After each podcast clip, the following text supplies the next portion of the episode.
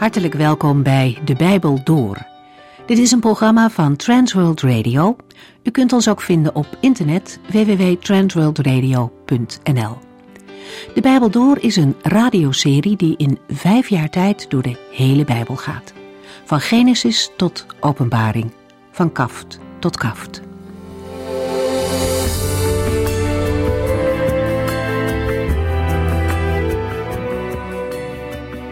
In Openbaring 17 neemt een engel Johannes mee om hem het oordeel over de grote hoer te laten zien. Johannes ziet dan een vrouw op een rood beest zitten in de woestijn. De beschrijving van deze beide eindigt ermee dat de vrouw dronken is van het bloed van de mensen die bij de Heer Jezus horen. Johannes is verbijsterd als hij haar ziet. Als de engel Johannes' verbazing bemerkt, gaat hij de hoofdonderdelen van het visioen uitleggen. Om het te begrijpen is wijsheid en inzicht nodig, zegt de engel. Dat geeft aan dat, hoewel de betekenis niet onmiddellijk duidelijk is, ze wel toegankelijk is voor wie Gods wijsheid ontvangt. Telkens begint de engel op dezelfde manier. Het beest dat u zag, de tien horens die u zag, de waterwegen die u zag en de vrouw die u zag. Het beest wordt getypeerd als een beest dat er ooit was en straks weer zal komen, maar dat er nu niet is. Wat een verschil met Christus, die is, die was en die komt. Hij is eeuwig. Het beest is een antichristelijk rijk. In het verleden zijn er rijken geweest, bijvoorbeeld het Romeinse Rijk onder Nero, waar de gelovigen zwaar vervolgd werden. Dat het beest er nu niet meer is, geeft aan dat het uiteindelijke antichristelijke rijk nog moet komen. Het beest heeft zeven koppen. Dat verwijst als eerste naar de zeven bergen waarop Rome is gebouwd. Daarnaast verwijzen ze naar zeven koningen.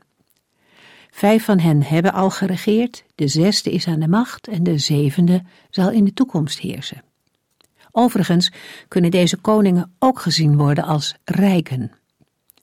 Als achtste staat uit deze rijken de antichrist op om de macht over te nemen. Hij zal tegelijkertijd regeren met tien koningen. De engel zegt niet veel over deze tien koningen, behalve dat zij maar een korte periode aan de macht zullen zijn, samen met het beest. Dit bondgenootschap keert zich tegen de vrouw, die eerder een medestander was. Het antichristelijke rijk raakt verdeeld. Vervolgens gaat het beest met de koningen de strijd aan met het lam, maar hij zal die verliezen. Vandaag lezen we verder over de val van Babylon in hoofdstuk 18.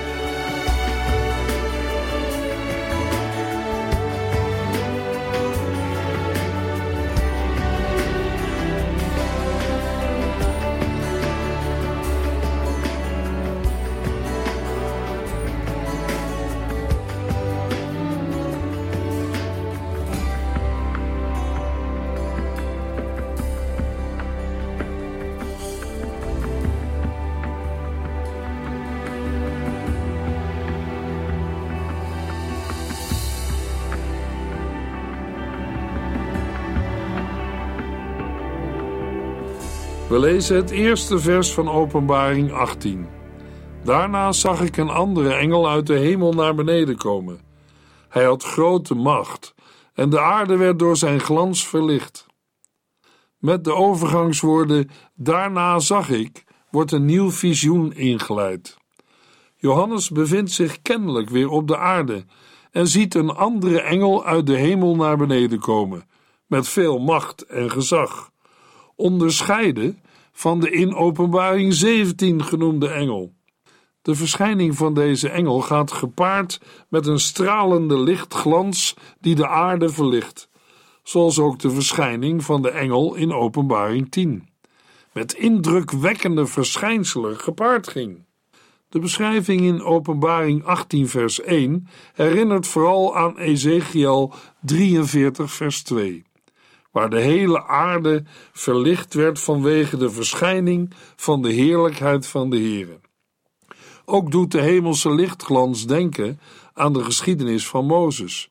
Toen deze voor de tweede maal van de berg Sinaï terugkeerde met de twee stenen tafelen, straalde zijn gelaat, omdat hij in Gods tegenwoordigheid was geweest. We lezen in Exodus 34 vers 29 tot en met 35. Toen Mozes met de stenen plakettes in zijn armen van de berg afkwam, glansde zijn gezicht door de lange tijd die hij in de nabijheid van de Heer had doorgebracht. Aaron en de andere Israëlieten zagen de glans en durfden niet bij hem in de buurt te komen. Maar Mozes riep hen bij zich. Aaron en de leiders van het volk kwamen bij hem zitten en luisterden naar wat hij te zeggen had. Daarna kwamen ook de andere Israëlieten erbij. En Mozes vertelde hun alles wat de Heer hem op de berg had gezegd. Toen was Mozes klaar met zijn verhaal. Al die tijd had hij een doek over zijn gezicht. Wanneer hij echter de tabernakel binnenging om de Heere te ontmoeten, deed hij de doek af tot hij weer naar buiten ging. Daarna gaf hij Gods woorden aan de Israëlieten door, en als de Israëlieten zagen dat zijn gezicht straalde, deed Mozes de doek weer voor zijn gezicht. Dat duurde tot hij weer de tent van de samenkomst binnenging om met de Heere te spreken.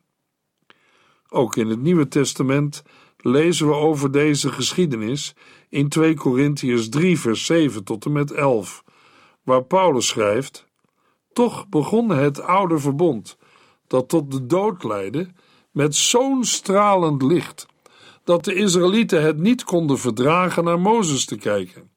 Want terwijl hij hun de wet gaf, die zij moesten gehoorzamen, straalde zijn gezicht door de aanwezigheid van God. Maar dat was van voorbijgaande aard. Moeten wij dan niet een veel grotere glans verwachten nu de Heilige Geest leven geeft? Als het verbond dat tot veroordeling leidt al zo'n glans gaf, hoeveel meer moet dan de glans van het verbond zijn dat de mensen bij God brengt? Sterker nog, de glans die van Mozes gezicht afstraalde, was een flauw schijnsel vergeleken bij de schitterende glans van het nieuwe verbond. Dus, als het oude verbond, dat toch weer zou verdwijnen, al een hemelse glans had, hoeveel sterker moet dan de glans van Gods nieuwe verbond zijn, omdat dat blijvend is? De verschijning van Mozes en Elia op de berg van de verheerlijking ging eveneens gepaard met een lichtglans. De hemelse lichtglans, die met zulke verschijningen gepaard gaat, wijst erop dat degene die verschijnt uit Gods onmiddellijke tegenwoordigheid is gekomen. In Openbaring 21, vers 23 tot en met 25 lezen we: De stad heeft geen zonlicht of maanlicht nodig, want zij wordt verlicht door de schittering van God en het Lam is haar lamp. De volken zullen in haar licht leven en de koningen van de aarde zullen hun rijkdom er naartoe brengen. Haar poorten zullen de hele dag openstaan. Zij zullen nooit worden gesloten, omdat er geen nacht zal zijn. Openbaring 18, vers 2. Hij riep met krachtige stem: Gevallen! De grote stad Babylon is gevallen. Zij is een woonplaats geworden voor demonen en een gevangenis voor alle boze geesten. Binnen haar muren wonen alle onreine en verachtelijke vogels. De boodschap van de engel met betrekking tot de aanstaande val van Babylon is een verdere uitwerking van wat een andere engel al in een eerder stadium had aangekondigd. De luide klaagzang over Babylon grijpt terug op de klaagzang over het oude Babylon in Jesaja 13 en Jeremia 50 en 51. We lezen in Jesaja 13 vers 19 tot en met 22 Zo zal Babel, het luisterrijkste van alle koninkrijken, de bloem van de Galdeese cultuur, net zo volledig worden verwoest als Sodom en Gomorra, toen de Heere vuur uit de hemel stuurde. Babel zal voor eeuwig worden vernietigd. Generatie na generatie zal voorbijgaan, maar het land zal nooit meer worden bewoond. De nomaden zullen er zelfs geen kamp op slaan. En de herders zullen hun schapen er niet laten overnachten.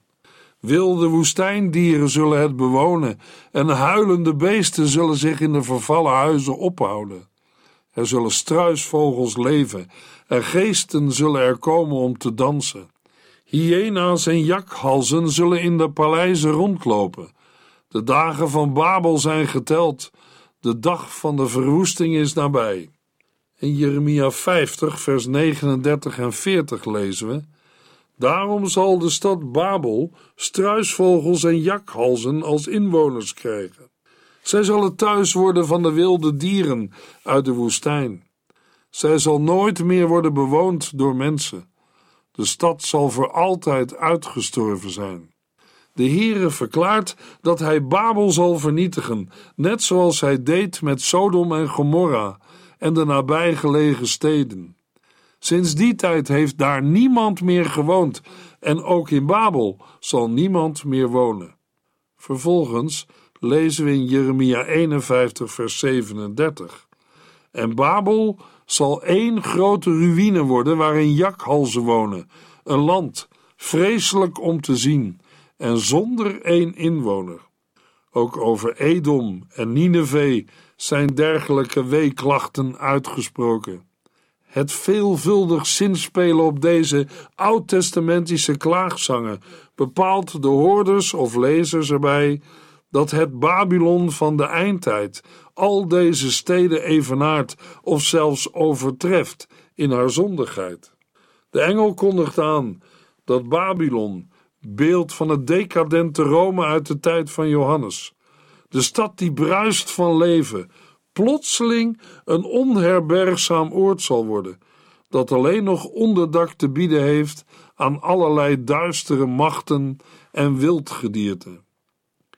Er wordt hier vooruitgegrepen op de situatie waarin de verwoesting van Babylon met vuur, de verwoesting die in Openbaring 17 en 18 wordt beschreven, al een voldongen feit is.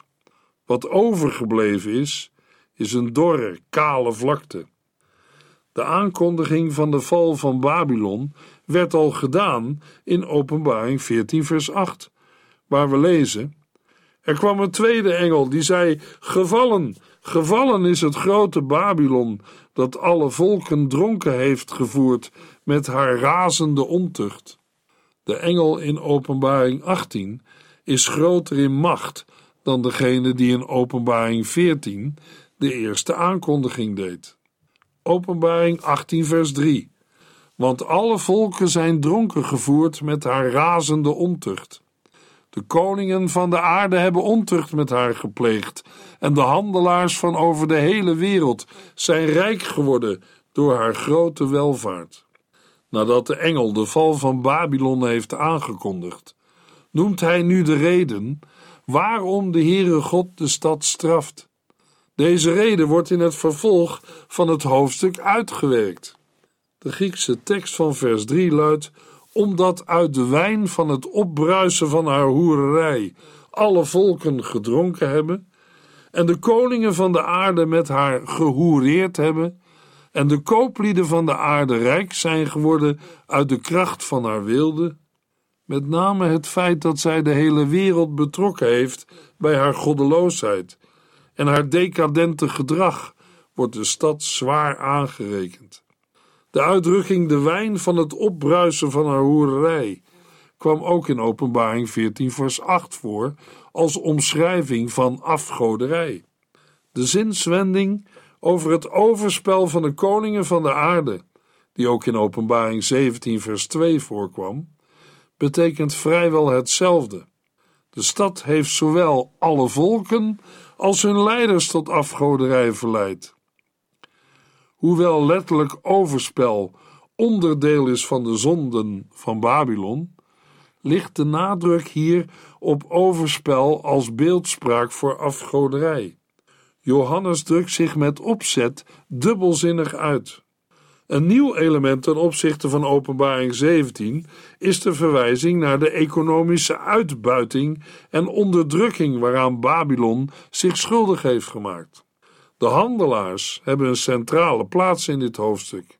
Zij zijn rijk geworden door haar grote welvaart, die het resultaat is van de krachtige handelspositie van de stad. De handelaars dreven handel met iedereen. Hetzelfde lezen we in Ezekiel 27, vers 33 over Tyrus. Uw koopwaar ging uit over de zee en voorzag in de behoeften van talloze volken.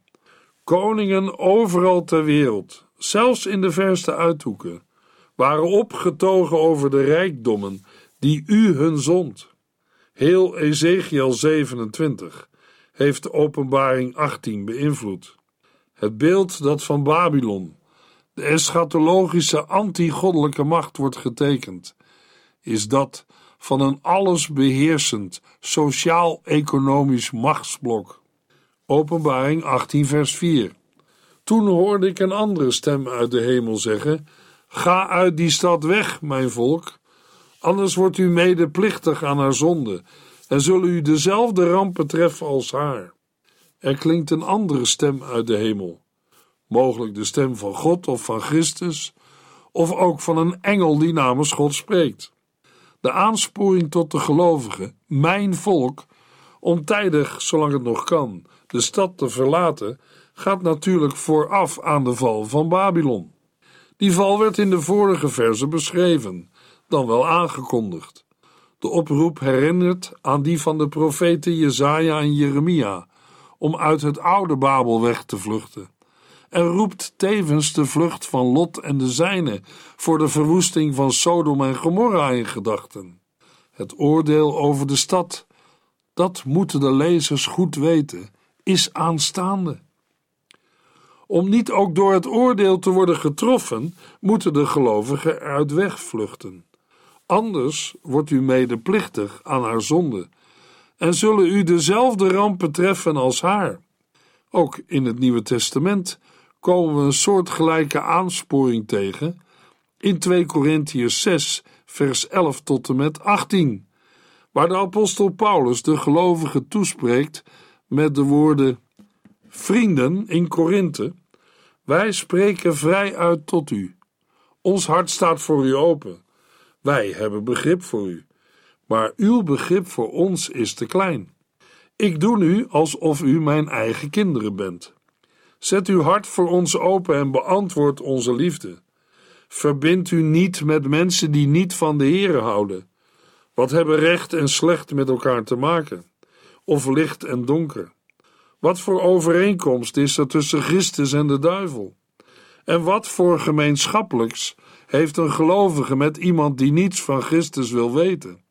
Wat voor eenheid kan er bestaan tussen Gods tempel en die van de valse goden? Ja, wij zijn de tempel van de levende God, die heeft gezegd: Ik zal bij hen wonen en bij hen zijn. Ik zal hun God zijn en zij zullen mijn volk zijn. Ga daarom uit hun midden weg. Keer u van hen af en raak het onreine niet aan.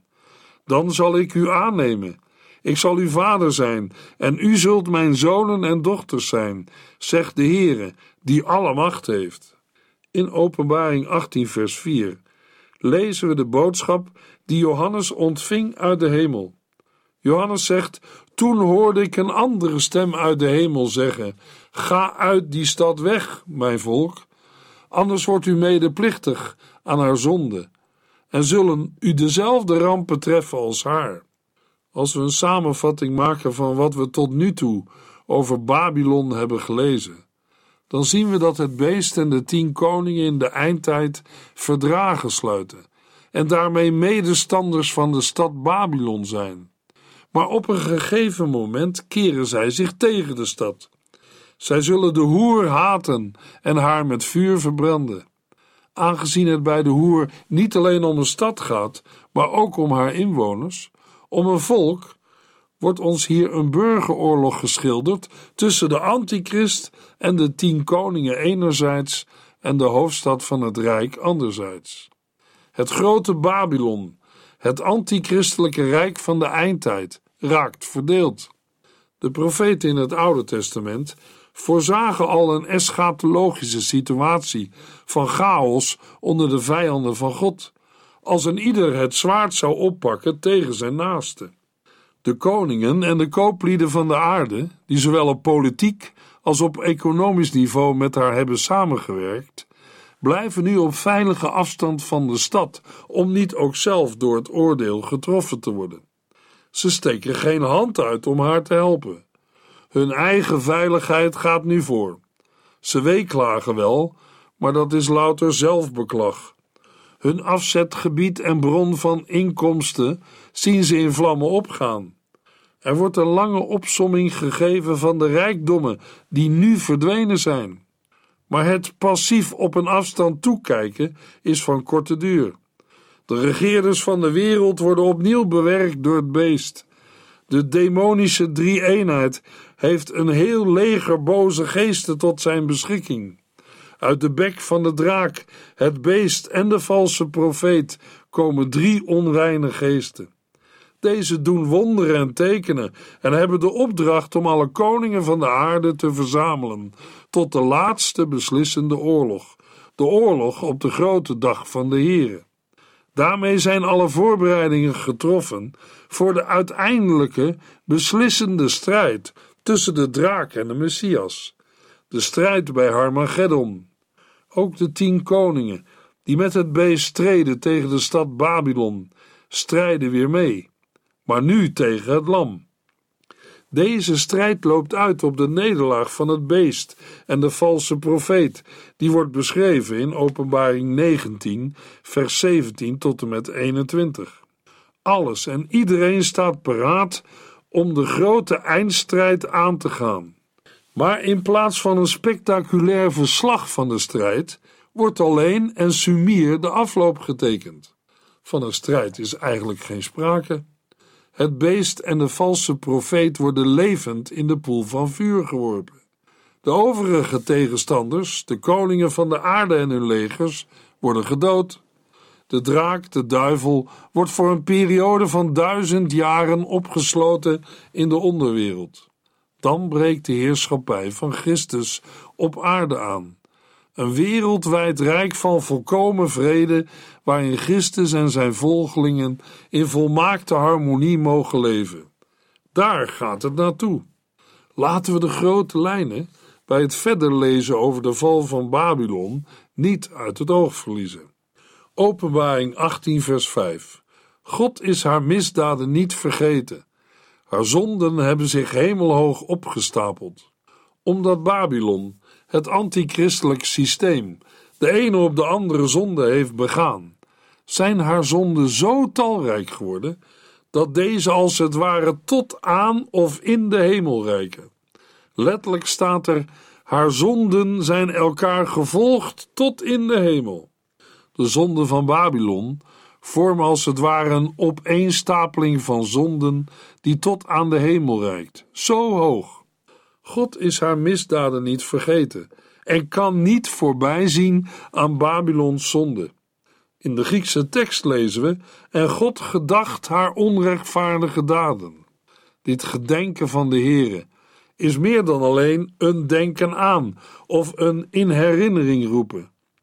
Het impliceert, net als in Openbaring 16, vers 19, in overeenstemming met het oud-testamentische spraakgebruik, een daadwerkelijk ingrijpen in de situatie. Openbaring 18, vers 6.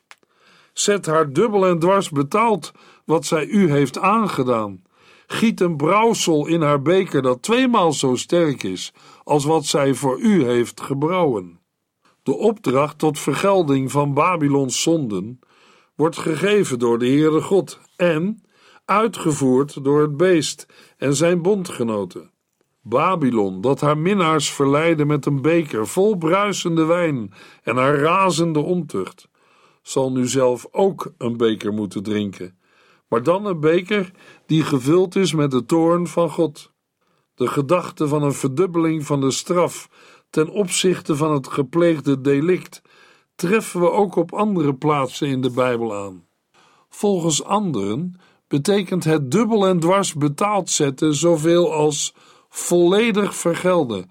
En in dat geval hebben we hier te denken aan een evenredige vergelding in overeenstemming met het recht van vergelding, zoals we dat lezen in het Oude Testament.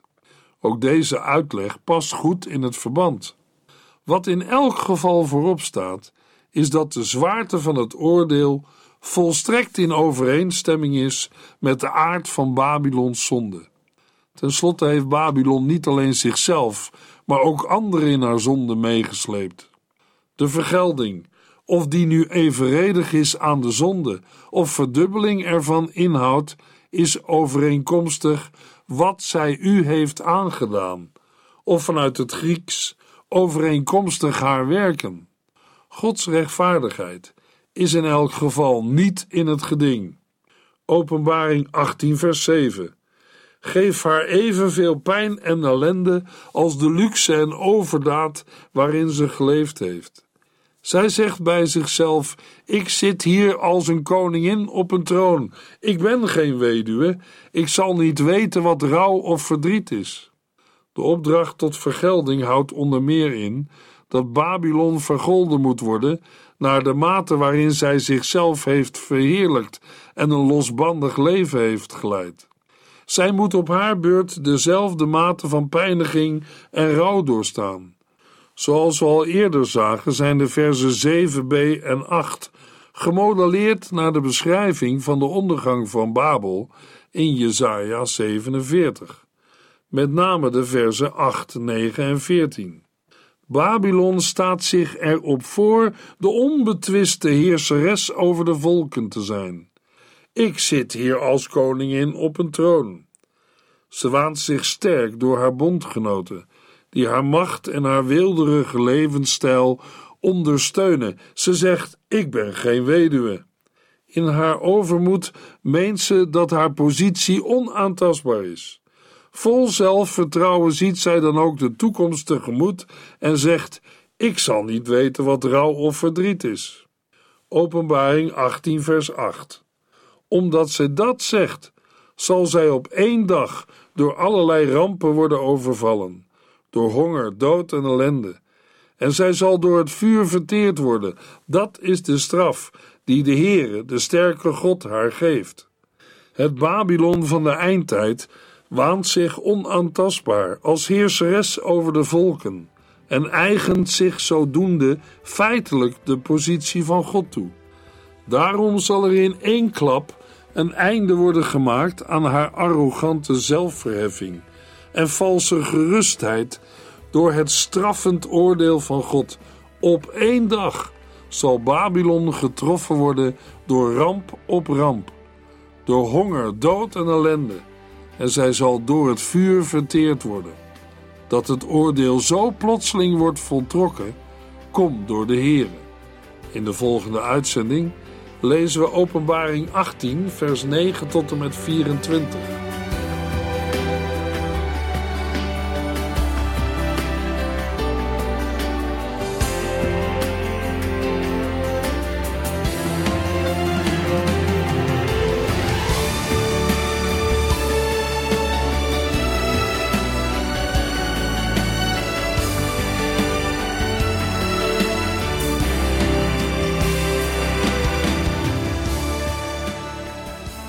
Sinds kort kunt u een USB-stick bestellen met alle uitzendingen en de teksten van de Bijbel door.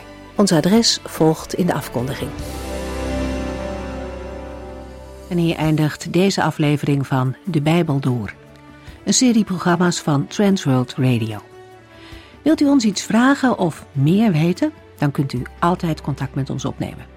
Bellen kan overdag met 0342 478432. Per post Transworld Radio, postbus 371, postcode 3770, Anton Johannes in Barneveld. En e-mailen kan ook. De Bijbel door at transworldradio.nl En natuurlijk ook via onze website transworldradio.nl Dit programma werd gepresenteerd door Cor Weda en Ike André. En namens iedereen die er nog meer aan meegewerkt heeft, graag tot de volgende keer.